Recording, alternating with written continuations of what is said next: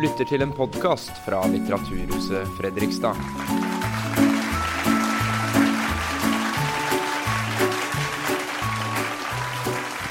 Takk, takk. Takk skal du ha, Perry. Det er hyggelig å være tilbake. Velkommen til eh, alle dere som er kommet for å høre på. Velkommen til eh, Tom og Atle.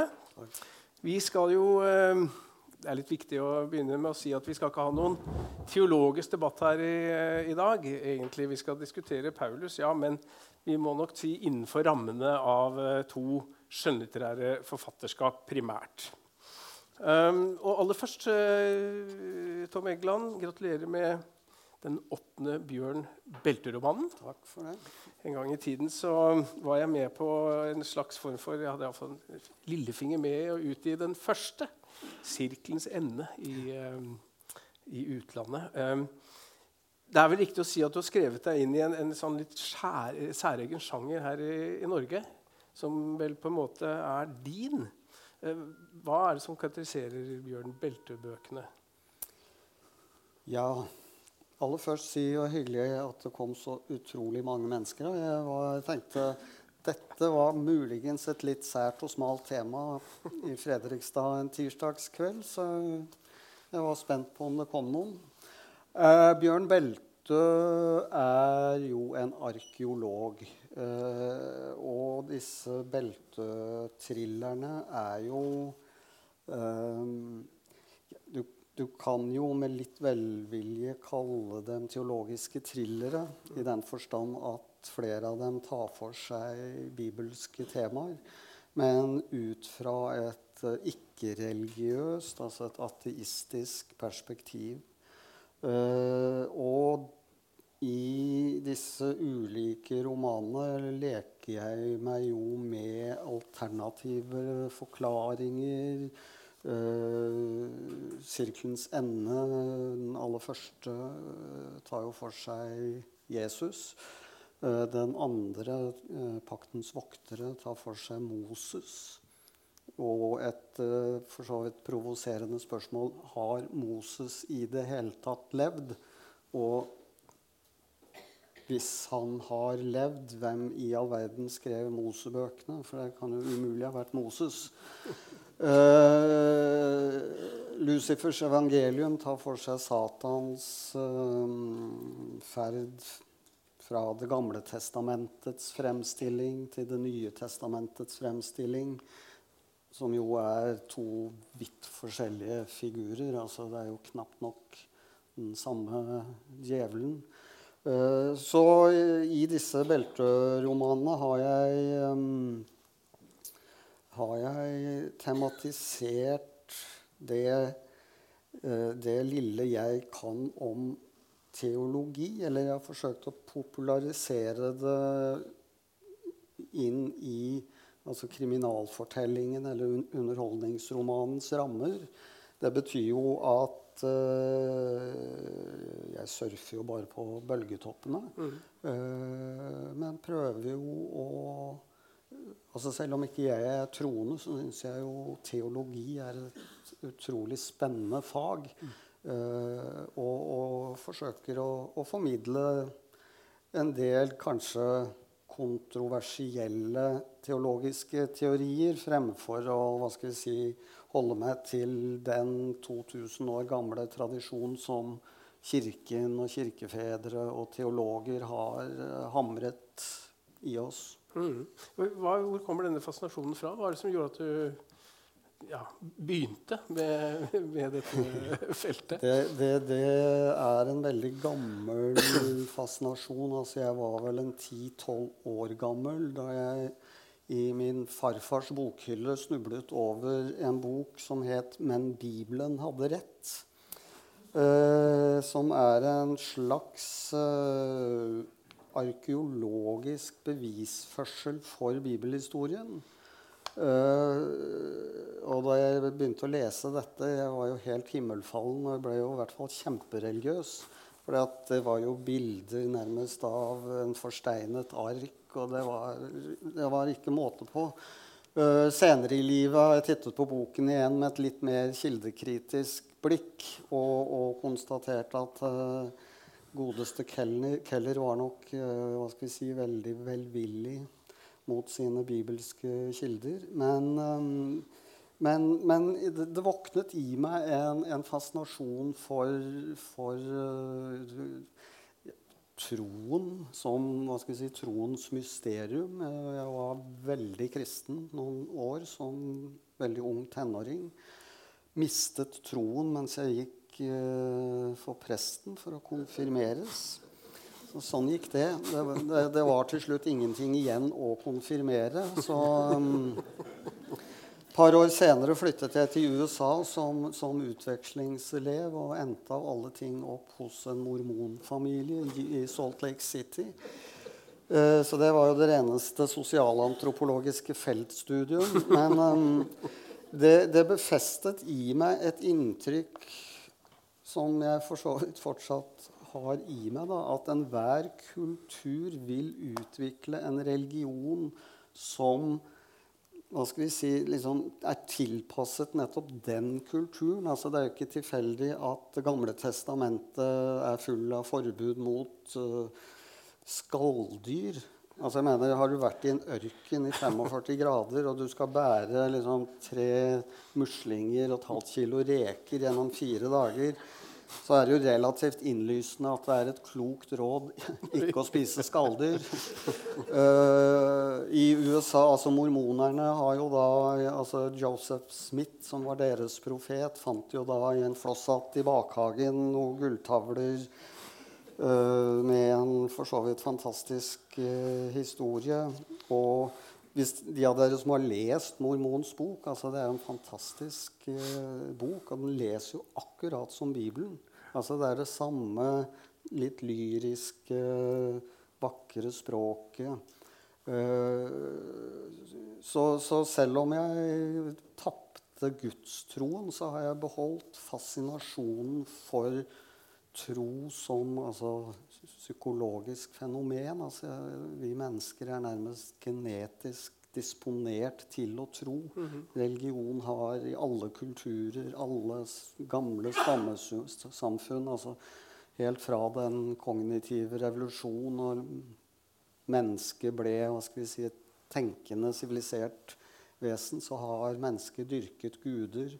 Og Det er jo også et paradoks. Hvor er alle disse døde gudene? Det er tusenvis av dem. Vi i Norge sitter igjen med liksom én, da. Men, men, hvor er alle de andre? Historiens uh, eh, osv. Du, du har jo en, uh, du har en litterær fetter, kan vi si.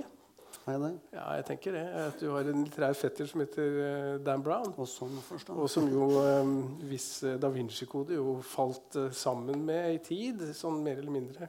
Dere, dere traff liksom samme planke på et ja, vis. Det var... Det var i grunnen veldig interessant.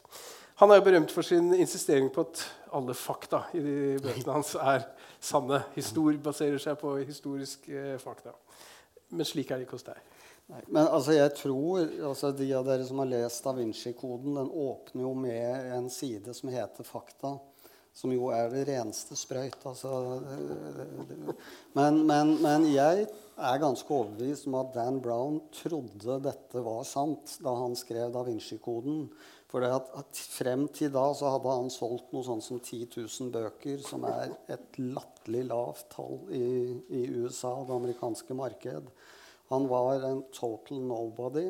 Og så skriver han altså en bestselger som blir det eh, årets kanskje mestselgende roman verden over. 'Paven rykker ut' og advarer folk mot å lese den. Altså, hvor heldig kan du bli som forfatter? uh, og 10 000 fagteologer kaster seg over noe han har rabla ned. altså Eh, sånn blir det jo helt sikkert hvis fagteologer skal gyve løs på mine bøker. altså det er klart du finner feil, upresisheter, feiltolkninger osv. Uh, men Dan Brown har jo, altså han er jo i hvert fall veldig flink til å markedsføre seg eller bøkene sine. Da. Og du kan jo ikke argumentere mot et salg på 100 millioner bøker. Det hjelper. Så mm, noe riktig har han gjort. Ja. Nei, vi kan komme tilbake til eh, kilder osv.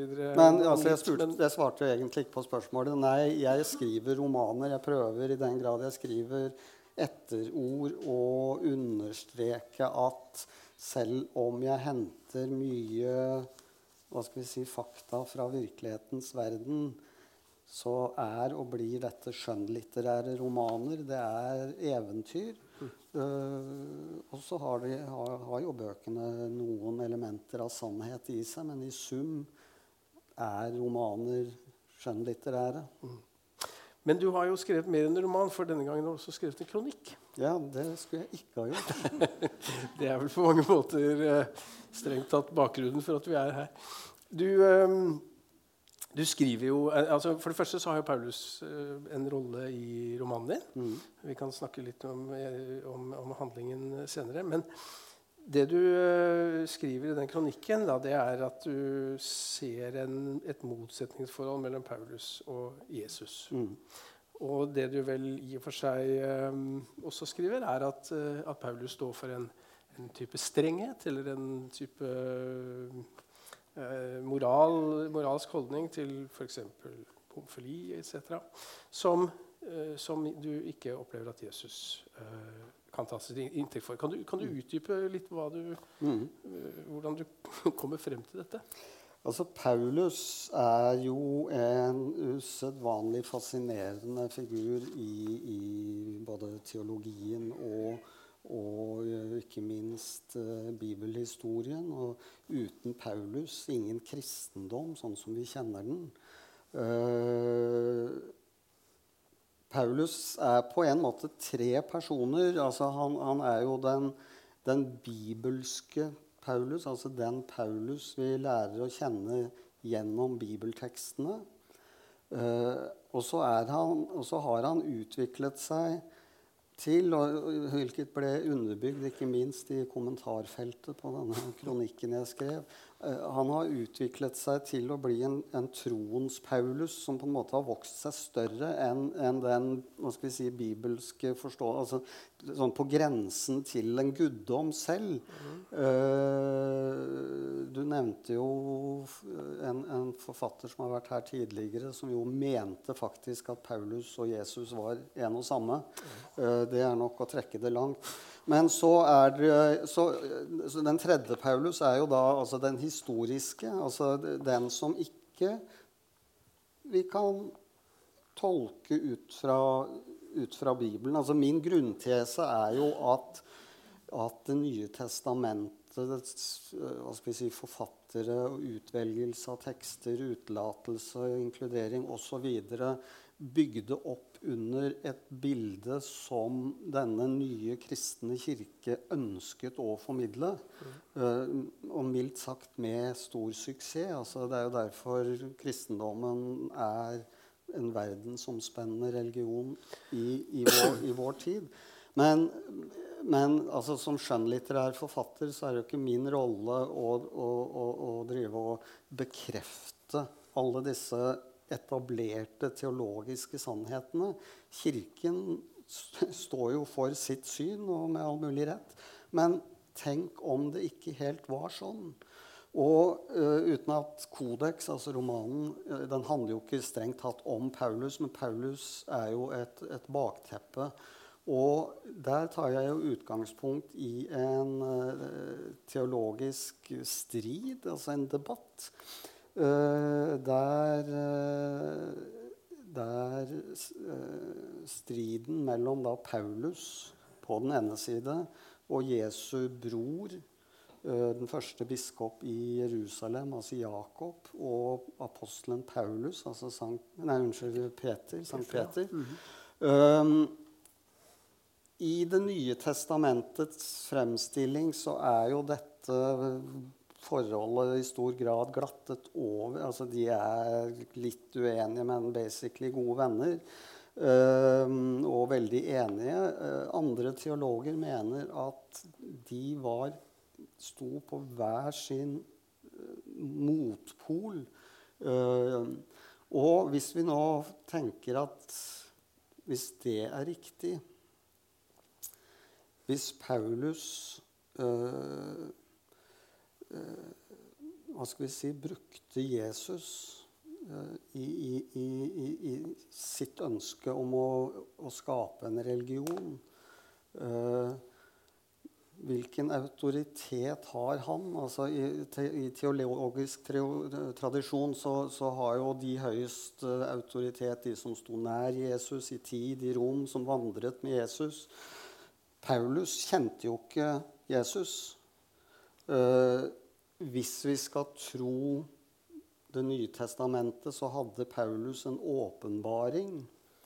Og Paulus påstår jo selv at han snakket med Jesus men denne fantastiske åpenbaringen som vi leser om i apostlenes gjerninger, som muligens er skrevet av Lukas, som var en Paulus-tilhenger Denne fantastiske åpenbaringen henviser jo Paulus knapt nok til. Altså han har noen vage formuleringer om at, om at han snakker med Jesus, men han ble jo blind i tre døgn av dette intense lyset. Eh, så hvis vi da forutsetter at den åpenbaringen ikke fant sted, hvilken autoritet sitter da Paulus igjen med? Altså Utvilsomt har han jo skapt kristendommen, og utvilsomt er han en av kristenhetens største tenkere. Uh, og selv om jeg hva skal vi si, hamrer litt løs på ham i retorikkens navn, Altså, han har jo skrevet utrolig mye vakkert. Størst av alt er kjærligheten. Alle disse, alle disse tingene. Men, men, Paulus brakte jo også med seg inn sin bakgrunn. da. Uh, sin uh, hva skal jeg si, stammekulturelle bakgrunn, som, uh, som, jo ga seg utslag i et kvinnesyn som ikke var helt heldig. slaveri altså Slaveri på den tiden var jo helt normalt. Uh, og, og, synet på homofili. Og det som jeg syns er interessant da, er jo at den kristne verden har jo forkastet hans syn på uh, slaveri. Selvsagt. Altså, hvem, hvem, kan forsvare slaveri? Vel, Paulus kan, men, men, men og kvinnesynet hans er jo i ferd med å bli utdatert, altså med unntak av det du kan kalle kristenfundamentalistiske miljøer, da, hvor kvinner ikke har autoritet og ikke skal rettlede menigheten og alle disse tingene. Mens homofilisynet til Paulus, som også er liksom en 2000 år gammel anakronisme, igjen basert på sånn gammeltestamentlige forestillinger om, om, om, hvor fælt det er med homofili, det har fortsatt ganske stor legitimitet i, i, i brede kretser. Og, og, da spør jeg meg hvorfor det. Vi må til uh, teltmakeren uh, Paulus også.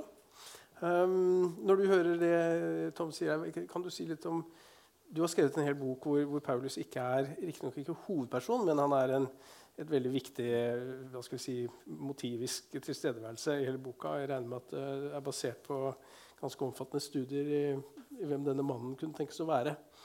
Hva, er ditt uh, inntrykk av Paulus og hans rolle i i det hele. ja, det er, den, det er, det er både, har både likheter og forskjeller med, med Toms oppfatning av Paulus. Da. Og jeg vil også si at min, altså, min bakgrunn er også ganske fjernt fra det teologiske. Jeg er heller ikke noen mildt, jeg er mildt, mildt vantroende. Så uh, jeg sa til Tom Eide det her blir jo litt som om to uh, fargeblinde skulle sitte og diskutere malerkunst, kanskje. uh, men jeg tror vi er ganske enige om, om Paulus' personlighet. Altså, han var en, han var en utrolig Han var autoritær og veldig, veldig sterk. Åpenbart uhyre intelligent. Men jeg tror jo, eh, for å ta det utgangspunktet med, med, hvordan han fikk kallet, som det heter, så tror jeg jo at han personlig var overbevist om at han eh, hadde fått, eh, et direkte kall fra, fra Jesus. Og det er jo ikke helt presist, som du sier, Tom. Han sier jo ganske, Paulus skriver jo om den gangen han ble rykket opp i den tredje himmel. Eh, og det må jo åpenbart gå på en, en, rett og slett en ekstatisk eh, opplevelse. Jeg har er ikke jeg min originale tanke, men det er andre som har tenkt meg før, at uh, tenkte at han kunne ha, være epileptiker og få en sånn, sånn voldsom eh, religiøs opplevelse i et epileptisk anfall, som jo, som jo er eh, kjent. epilepsi ble vel kalt for morbus dei, Guds, Guds sykdom. Og jeg tror jo ikke noe på den, den Damaskus-historien med lyset. Eh, det må være en, må være en, en eh, altså, Lukas, eller hvem det er som har skrevet uh, apostlenes gjerninger, er jo en forfatter som deg og meg. i og for seg. Eller som Snorre er kanskje en, en bedre sammenligning. Han har et stoff, uh, et bygger på en historisk kjerne opplevd stoff, og så, og så, gestalter han dette litterært. Det som var om å gjøre for forfatteren av apostlenes gjerninger å få fram, det var jo denne kontrasten som Paulus gikk gjennom, nemlig at han forfulgte de kristne. Og så hadde han opplevelsen, og så ble han den varmeste forsvareren av uh, de kristne. Det er jo åpenbart et litterært grep, uh, om ikke annet fordi at det står jo i Apostlenes gjerninger at Paulus var på vei til Damaskus for å arrestere, føre de kristne hjem i lenker. Altså gå inn i den jødiske forsamlingen i Damaskus og føre de kristne hjem i lenker det er jo med respekt å melde det rene vrøvl. Han hadde jo selvfølgelig ingen, eh, ingen autoritet, selv om han var eh, en jødisk eh, prest, som han vel antagelig var. Så hadde han jo ingen autoritet i en helt annen romersk provins i, i, i Syria. Eh, så det, det, er jo åpenbart en, en litterær gestaltning, veldig flott litterær gestaltning, må jeg si, dette med Paulus som blendes og føres til, til Damaskus. Det er jo veldig fint. Eh, men det, er, det, det, må være en diktning. Så jeg tror jo i utgangspunktet at Paulus har hatt en ekstatisk opplevelse, og han er overbevist om at han taler med, med den myndigheten som, som uh, Jesus har gitt ham. Mm. Så jeg er helt enig med Tom uh, og andre for så vidt, at det var en dyp splittelse i urkirken mellom, uh, mellom Paulus og, og de som hadde fulgt Jesus. Og sjalusi og misunnelse tror jeg ganske mye fra Paulus' side. Fordi at disse, disse, som hadde kjent Jesus, Peter og Jakob særlig, da, de påberopte seg jo en, en, autoritet som Paulus ikke hadde. Og det er jo veldig påfallende i Paulus' brev. Han skriver jo praktisk talt ingenting om Jesu liv. Nevner nesten ikke Jesu død, derimot offerdød. Den, den, den kommer han tilbake til om og om og om, og om igjen. Uh, han vil rett og slett ikke snakke om, om uh, Jesu liv, for det er noe som liksom, de andre gutta har tatt patent på uh, og har bedre, har bedre, greie på enn de har. Men, men i, i, det, det scenarioet ditt, Tom, så, så er du jo ikke inne på det som var grunn, altså grunnmotsetningen mellom disse to. Det var ikke, det var jo ikke så mye det, om det var om man skulle tro på de som hadde fulgt Jesus, eller tro på Paulus. Det var jo om Eh, de som nå omvendte seg og ble kristne, måtte følge loven. Altså måtte følge den jødiske loven. Og dette konkretiserte seg jo særlig i, i omskjæringen. Eh, de jødekristne, Peter, Jakob, eh, mente jo at de, hvis hedninger, altså ikke-jøder, skulle bli kristne, så måtte de først omskjæres.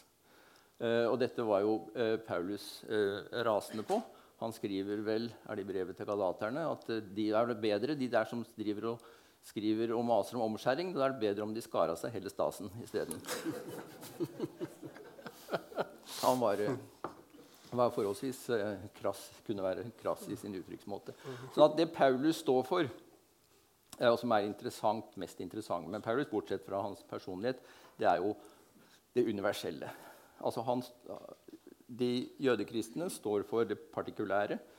Eh, kristendommen som en én ny av de nesten utallige eh, jødesektene.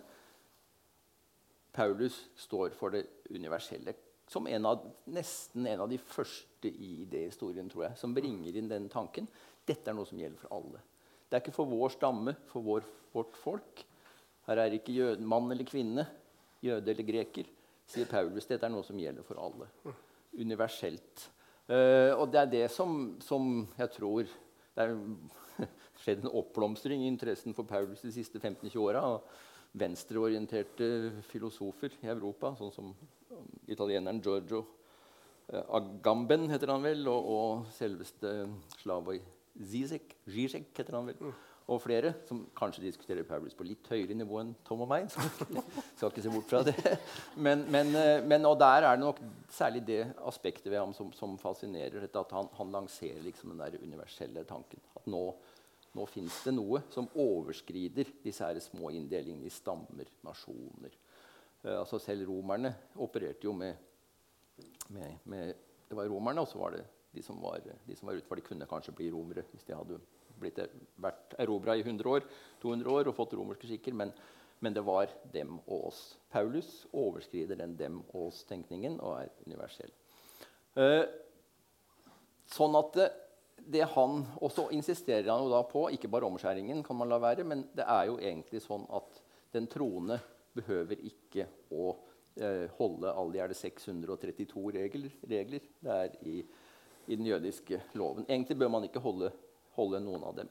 Så det å si at Paulus innfører en ny og strengere altså Han innfører i hvert fall ikke noe strengere tolkning enn det som disse jødekristne eh, sto for. Snarere tvert imot. Så får jo Paulus det store problemet. Han mener jo da at hvis man bare blir frelst, hvis man bare tar Jesus til seg, i seg, opp i seg, så vil man handle riktig. Handle moralsk riktig. Så det trengs egentlig ikke noen lovbestemmelser. For, for, blir man frelst, så oppfører man seg eh, godt og bra på alle måter. Men er det jo det da at den faktiske verden er ikke akkurat innrettet sånn. Eh, det var til og med noen som begynte å, å, å tolke dette her med, med, at loven nå for så vidt var opphevet, men at nå kunne de gjøre hva de ville. Bare de var, bare de var frelst. Mm. Så slår Paulus fryktelig tilbake med, med delvis detaljerte regler for hva som skal være og ikke være. Fordi han skjønner jo at denne indre motivasjonen den er ikke holdbar, eh, dessverre. ikke holdbar nok i lengden. Det må også en sånn ytre, ytre regelstruktur til. Og jeg er helt enig eh, med Tom når det gjelder synet hans på, på, homofili, som han jo gjentar flere ganger, og, og også slaver. Men jeg er ikke, absolutt ikke enig i at Paulus utmerker seg med noe noe spesielt uh, tilbakestående kvinnesyn. Tvert imot uh, svært uh, avansert for sin tid, vil jeg nok si. vi ser f.eks. at han hilser til, når han hilser til menighetene, så hilser han til disse kvinnene. Mine medarbeidere i Herren, skriver han om enkelte av dem, bl.a. hun Priskva, som var gift med Akvilas, som, som var en, en var et kjernepar i faktisk flere av menighetene, vel både i Efsos og Roma, fordi de, de flyttet fram og tilbake. Uh, og det, han sier jo også dette med, med, her er ikke mann eller kvinne. Her er ikke, her er ikke jøde eller greker. Jeg tillater meg i avslutningen på uh, den romanen her så jeg tillatt meg å la en av hans etterfølgere omskrive uh, de der verste tingene om kvinner. Eller skrive dem inn, da. Eh, for å justere Paulus litt. For jeg får ikke, jeg får ikke det helt å henge i hop med at denne mannen som stiller alle Som er helt universell, som, som, som stiller alle på samme linje, uh, at han kan gidde å bekymre seg om kvinner skal dekke håret uh, i forsamlingen og, og sånne ting. Det er, det er en, om det er han eller om det er andre, de har foretatt en tilpasning til måten samtiden tenkte på. Også for at de kristne ikke skulle skille seg altfor mye ut selvfølgelig, fra, fra alle de andre uh, rundt dem. Men når, ja. når, når, er det, når, er det, ideen om at kristendommen var noe annet enn jødedommen? Når var det den for første gang på en måte ble ja, da skal vi si, konkretisert? Ja, Det må du nesten spørre en teolog om. Ja, ja, uh, men, men, det er jo altså jeg vet ikke om Paulus mente at kristendom var noe annet enn jødedom. Han mente at det var en utvidelse og fullbyrdelse mm. av, eh, av, jødedommen. Fordi, fordi, Kristus var jo Messias som skulle komme, mm. og han var kommet. Eh, så jeg vet ikke om Paulus ville liksom akseptert den dikotomien, den todelingen der. Nei. samtidig er det vel ingen tvil om at suksessformelen var jo nettopp det at han at Paulus løftet jo Jesus på en måte ut av jødedommen og gjorde Jesus til en profet for i første omgang alle folkeslagene altså rundt Middelhavet da, som, som fikk dette budskapet. Og de fikk et budskap som var øh, veldig attraktivt. Altså tro, og du blir frelst. Øh, er du fattig, så venter himmelriket på deg. Altså, det var ingen altså, ti, Veldig mange av hva skal vi si, fortidens guder var jo strengt tatt de rikes guder. Uh, her kom en som, som, som, løftet frem de fattige, løftet frem de som var rene i troen. Og, som, og, og, og det strengt tatt det eneste du trengte å gjøre, var jo å tro på Jesus. Så ble du lovet en evighet i, i, i paradis. Eh, så veldig mange av fortolkningene til Paulus var jo et altså, fabelaktig innsalg, for å si det med vår tids uh, språk.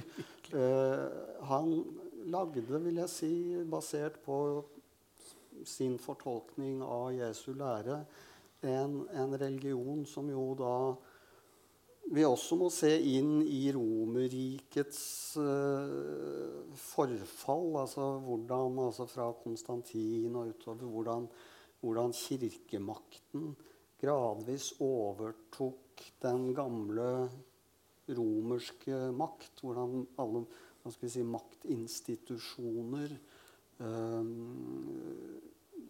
ble i realiteten kristne. Mm.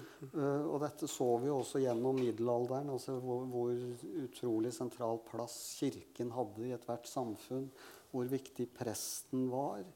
Um, og, og, og, egentlig helt fram til altså, vår egen tid, hvor uh, presidenter uh, går til krig i Guds navn.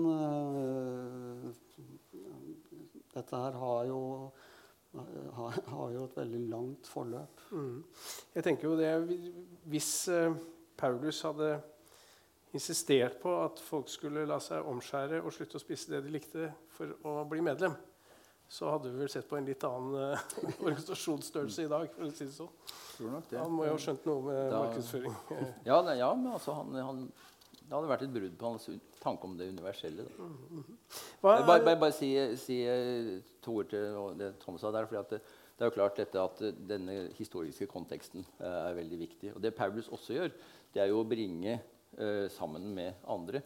Men han bringer jo uh, kristendommen inn i altså den gresk-romerske språklige sfæren. Mm. Og gjør den da selvfølgelig veldig mye Eh, større. Jeg har tillatt meg, Det er ikke, muligens ikke helt historisk, men i romanen min så har jeg tillatt meg å sende Paulus på misjonsferd til Spania.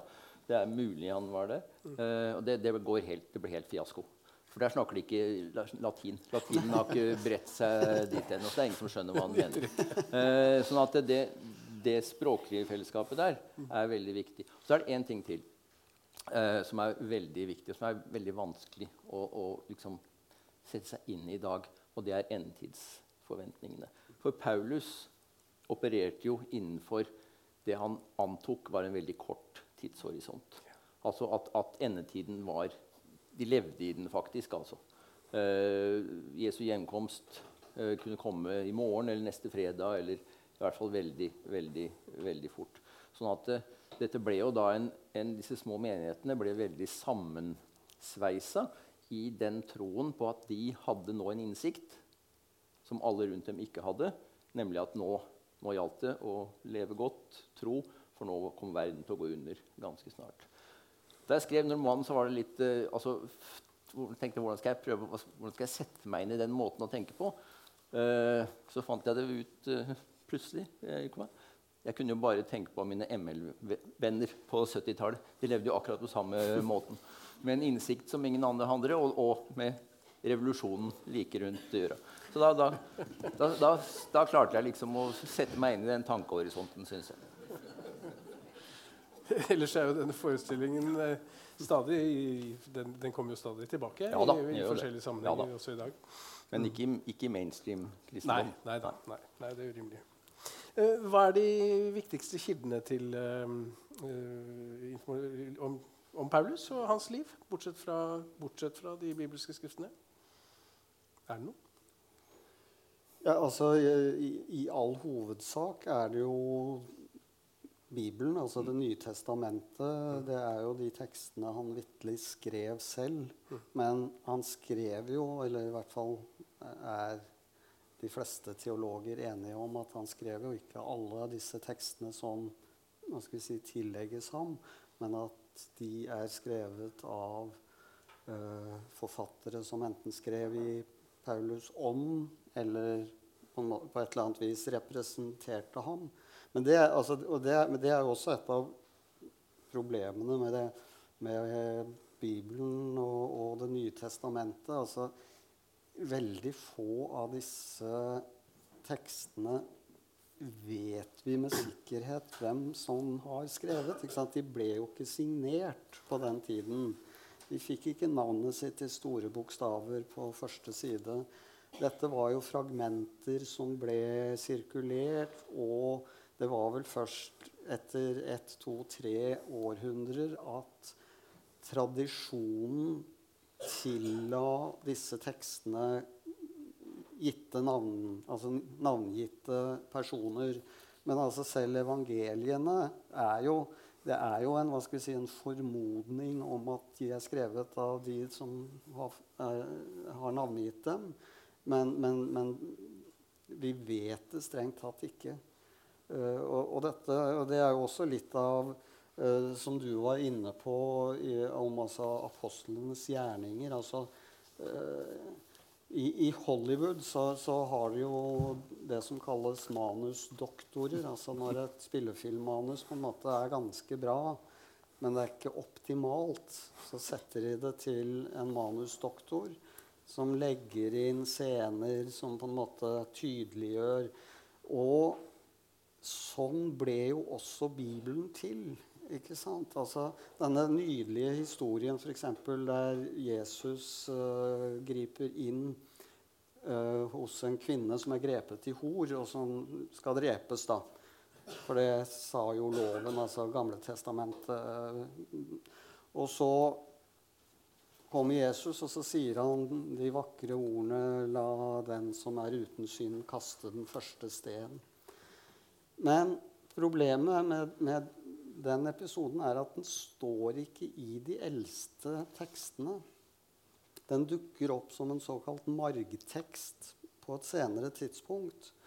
Og da er det jo en plausibel tanke at en manusdoktor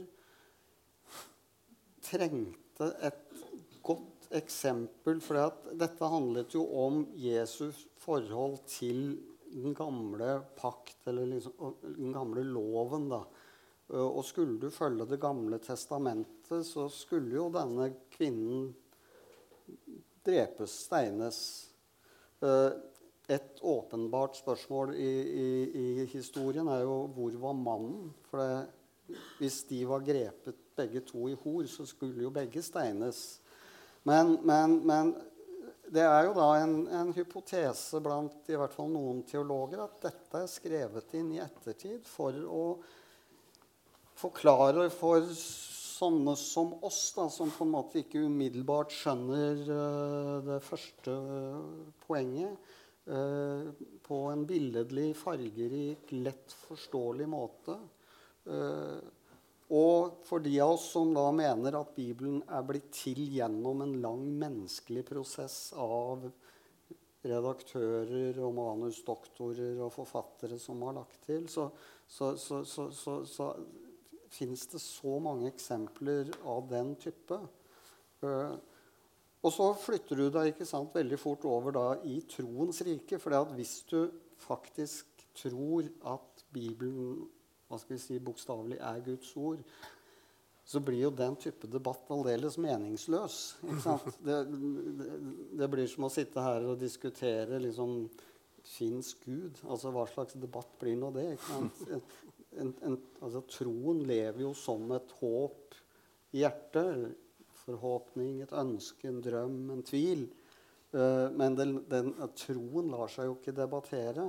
Og, og, det samme gjelder jo da ikke sant, altså alle, altså, Gikk Jesus på vannet? Altså For en rasjonell mann som meg så er jo svaret åpenbart nei. Men er du troende, og tror du at Jesus er vitterlig Guds sønn, så er det klart da kan han jo gå på vannet og vekke døde til live igjen. For det ligger jo implisitt i troens natur. Mm. To ting om det med kilder. og Det, det ene er jo at uh, de beste kildene egentlig er jo kanskje de autentiske. De syv-åtte Paulusbrevene som man mener er autentiske. For det er jo det eldste i Det nye testamentet. E, evangelien er jo faktisk skrevet seinere. 60-70-tallet eller noe sånt. Noe. Altså 30-40 år etter at 50 kanskje. Kanskje lenger for Johannes evangeliet. Og det er klart at I løpet av 30-40-50 år så skjer jo dette som Tom sier, at det blir altså, det blir utbrodert, det blir lagt til episoder kanskje som ut, utbroderer ting som skal gjøre, de, gjøre det tydeligere, mer, mer, mer, fargerikt og tydelig hva budskapet egentlig er. Sånn at det er Paulus' egne brev er en veldig god kilde. Den eneste kanskje primærkilden hvis de kan si det sånn, da, mm. til, til, Paulus' liv. Uh, det andre, men det andre som en forfatter må ta fatt i, det er jo konteksten. Er jo altså, det, den er jo enorm. Altså, vi snakker jo om Romerrikets glanstid her. Det er noe vi ofte glemmer. Men altså, kristendommen, og særlig Paulus, jo, står jo midt i, eh, midt i oppblomstringen av Romerriket. Eh, I min roman er det veldig mye veier. Uh, skal jeg innrømme. Kanskje litt for mye veier. Men, men, uh, og, det er klart at veiene, det romerske veinettet var jo en forutsetning for kristendommens utbredelse. For nå gikk det an å reise uten å bruke flere år eh, de mellom de ulike delene av, av, av Romerriket. Så den og selvfølgelig mye annen kontekst er også veldig viktig for å, forstå, for å forstå, for å gi et noenlunde inherent plausibelt bilde, hvis man kan si det. da, mm. Sammenhengende bilde mm. av en skikkelse som Paulus. Det er jo også i samme åndedrag eh, Jeg lest teologer som skriver altså, om eh, altså forløpet til korsfestelsen og rollen til Pontius Pilatus, som også strider mot elementær romersk juss. Eh, og, og, postulatet er rett og slett at dette er også diktet opp. Altså, en, en, altså Pontius Pilatus, som jo var altså en bølle av en annen verden altså Han var jo som rinnan og ja, eh, de verste krigsforbrytere. At han i det hele tatt skulle nedlate seg til å Eh, vise en form for medynk med, med, Jesus, som jo var en av mange opprørere. Altså Jesus var jo ikke i sin samtid enestående. Han var jo heller ikke engang den største av disse omvandrende uh, profetene som, som, som, hadde en, en følgerskare. Uh, sånn at fra, sett fra romernes synsvinkel så var jo Jesus og hans hva skal vi si, altså de andre opprørerne et, et, forferdelig irriterende og forstyrrende element. Og de likviderte dem jo så fort de kunne. Eh, sånn at um, denne litt sånn rørende historien om, om Pontius Pilatus er, vil nok en del historikere og også teologer mene nok er hva skal vi si, litt fargelagt og pynta på. Mm. Tenker på det du sa om, om tro. Uh, og når man skriver om dette, selv om man skriver det som et historisk stoff, og nærmer seg det historisk, så skriver man jo om noe som er tro for, for mange. For veldig mange. Er det noen dilemmaer som, som, oppstår i det feltet der? Altså er, det, er det liksom noe som Er dere redde for å støte folk, eller på noe vis invadere folks trosrom? Eller? Du kan ikke bli forfatter hvis du er redd for at mora di skal lese det du skriver. Uansett. det er jo det er jo klart at eh, du, du, du risikerer jo å støte noen. Ja. Altså fordi tro er så ekstremt personlig. Eh, selv om religion er veldig ikke-personlig, så er jo en gudstro ekstremt personlig. Og det er klart at i det øyeblikk en som meg, da, som ikke er troende, kommer borti og pirker i det stoffet og sier ja, men hvor sannsynlig er nå det? Og det er klart at det, det kan være støtende. Men jeg tror Jeg har faktisk ve veldig mange øh, teologer som lesere. Jeg var jo invitert bl.a. for å holde et foredrag på Menighetsfakultetet. Grudde meg som bare rakkeren. For er snakk om å komme i løvens hule. Men der kom de med bøker og skulle ha signatur, gitt. Så det uh, Uten at de nødvendigvis tar meg så veldig alvorlig. Men, uh, men, men uh, Og jeg har en, en pastor i Jeg vet ikke om det er lov å si Sarpsborg her i byen, men Så lenge du ikke sier 08. Ja. Eh, som stadig vekk skriver eh, Han skriver sånne faste eh, sånn kronikk eller hva skal vi si, sånn forkynnelse da, i, i, i lokalavisen der, og som stadig vekk henviser til meg.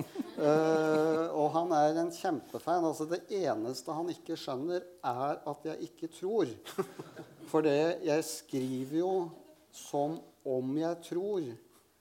Så jeg har, en mistanke om at han egentlig mener at jeg nok tror, men at jeg bare koketterer med dette ateistiske grunnsynet. Så nei, altså jeg tror jeg tror sant å si ikke jeg har veldig mange lesere i den hva skal vi si, indremisjonskretsen. Altså, jeg tror ikke de eh, Jeg tror ikke de har noen som helst interesse av å lese meg.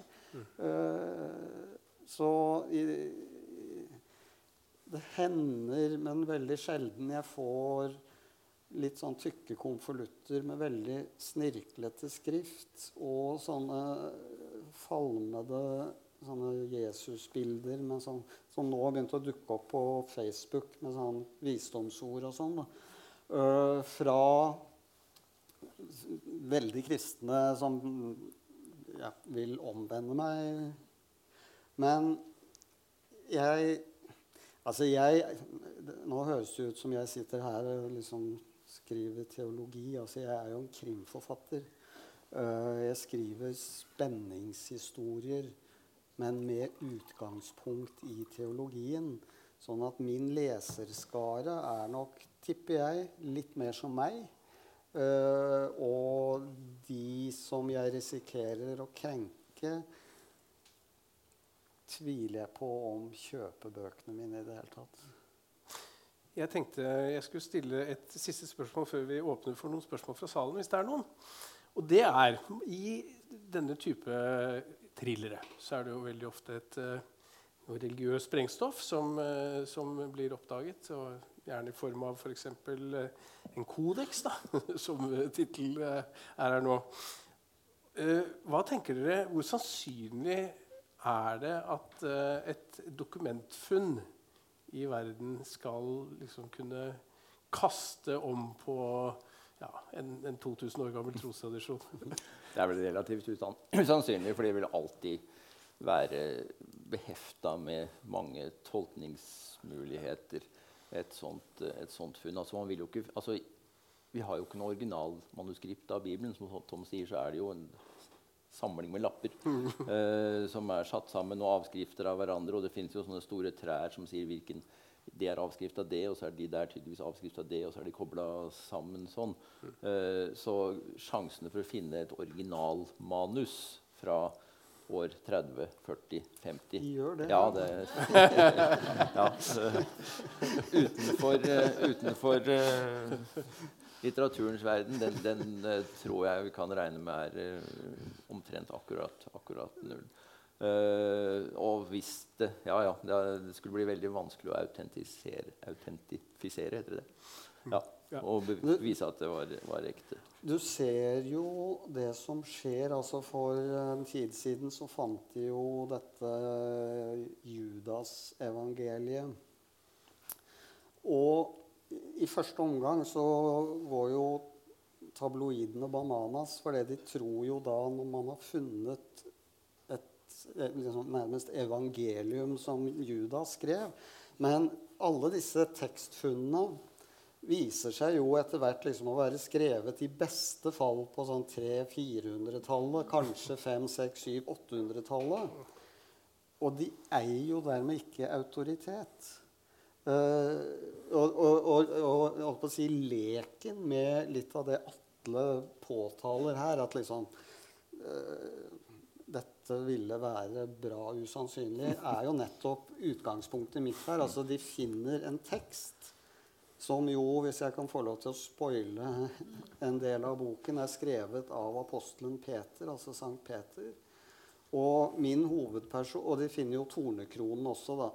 Men min hovedperson, Bjørn Beltøs umiddelbare reaksjon er at dette er jo det reneste sprøyt. Du liksom åpner en kiste, og der ligger tornekronen og en tekstsamling fra Jesu tid. Uh, sånn at liksom den automatiske refleksen er jo nettopp 'never'. Altså hvor dumt Dette går jeg ikke på. Så, men det hadde jo vært fantastisk moro. da det, det, som hadde skjedd, er jo antagelig at det ville oppstått en ny sekt. ikke sant? En splittelse i en kristendom som ville lagt dette dokumentet mer til grunn enn det andre hadde gjort. Eller så ville Vatikanet rykket inn med maskinpistoler, kuttet teksten og tatt det med inn i ja, men Det syns jeg gjør seg glimrende, glimrende avslutning på en uh, spennende samtale. Er det noen som uh, vil stille noen spørsmål? Ja. Jeg syns det var veldig spennende at dere legger eh, Å ja. ja. Jeg er ikke vant med dette, jeg. Men eh, det er veldig hyggelig at dere er observante på både Paulus og Jesus. Eh, Sjøl er jeg frimerkesamler. Og det er en annen vinkling på det å tro. Fordi da kan du se bilder. Faktisk, Paulus er gjengitt i ulike eh, vinklinger og eh, bilder eh, verden over. Og, og det er grunnen veldig spennende. Så, og en annen ting Dere er et godt selskap. Per, eh, eh, per Lagqvist skrev jo boka 'Barabas'. Så den sjangeren dere er i, er velkommen. det var jeg fornøyd med. Ja, det får vi si. tar ett siste spørsmål hvis det er noen som uh, har noe på hjertet. Der er dere. Jeg kommer rundt.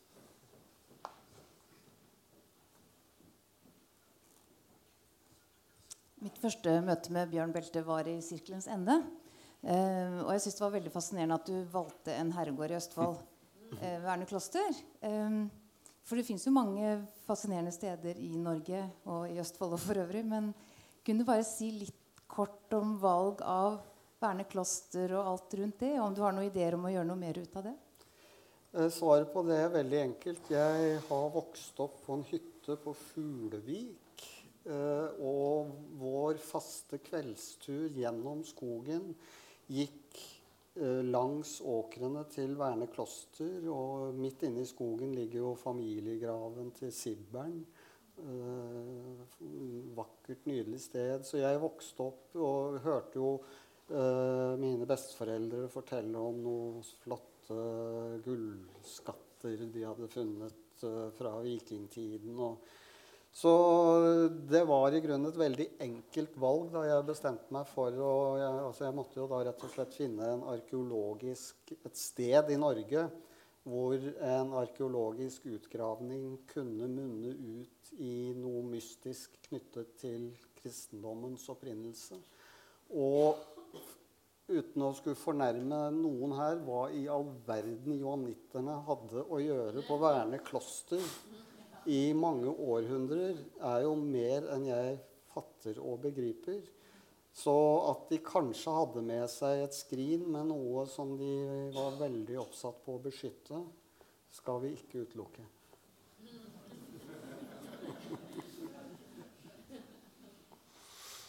Da sier vi rett og slett eh, tusen takk for i kveld og for en veldig spennende samtale. Og så oppfordrer vi jo folk da til å dykke ned i det her ved å lese Kodeks. Teltmakeren er dessverre ikke for salg, for den er rett og slett utsolgt. Men Tom, han signerer. En stor applaus til Atle Næss, Tom Egeland og Kjell Jørgen Holby. Takk for oppmerksomheten. Nå har du hørt en podkast fra Litteraturhuset Fredrikstad. For mer informasjon, klikk deg inn på lytthusfred.no.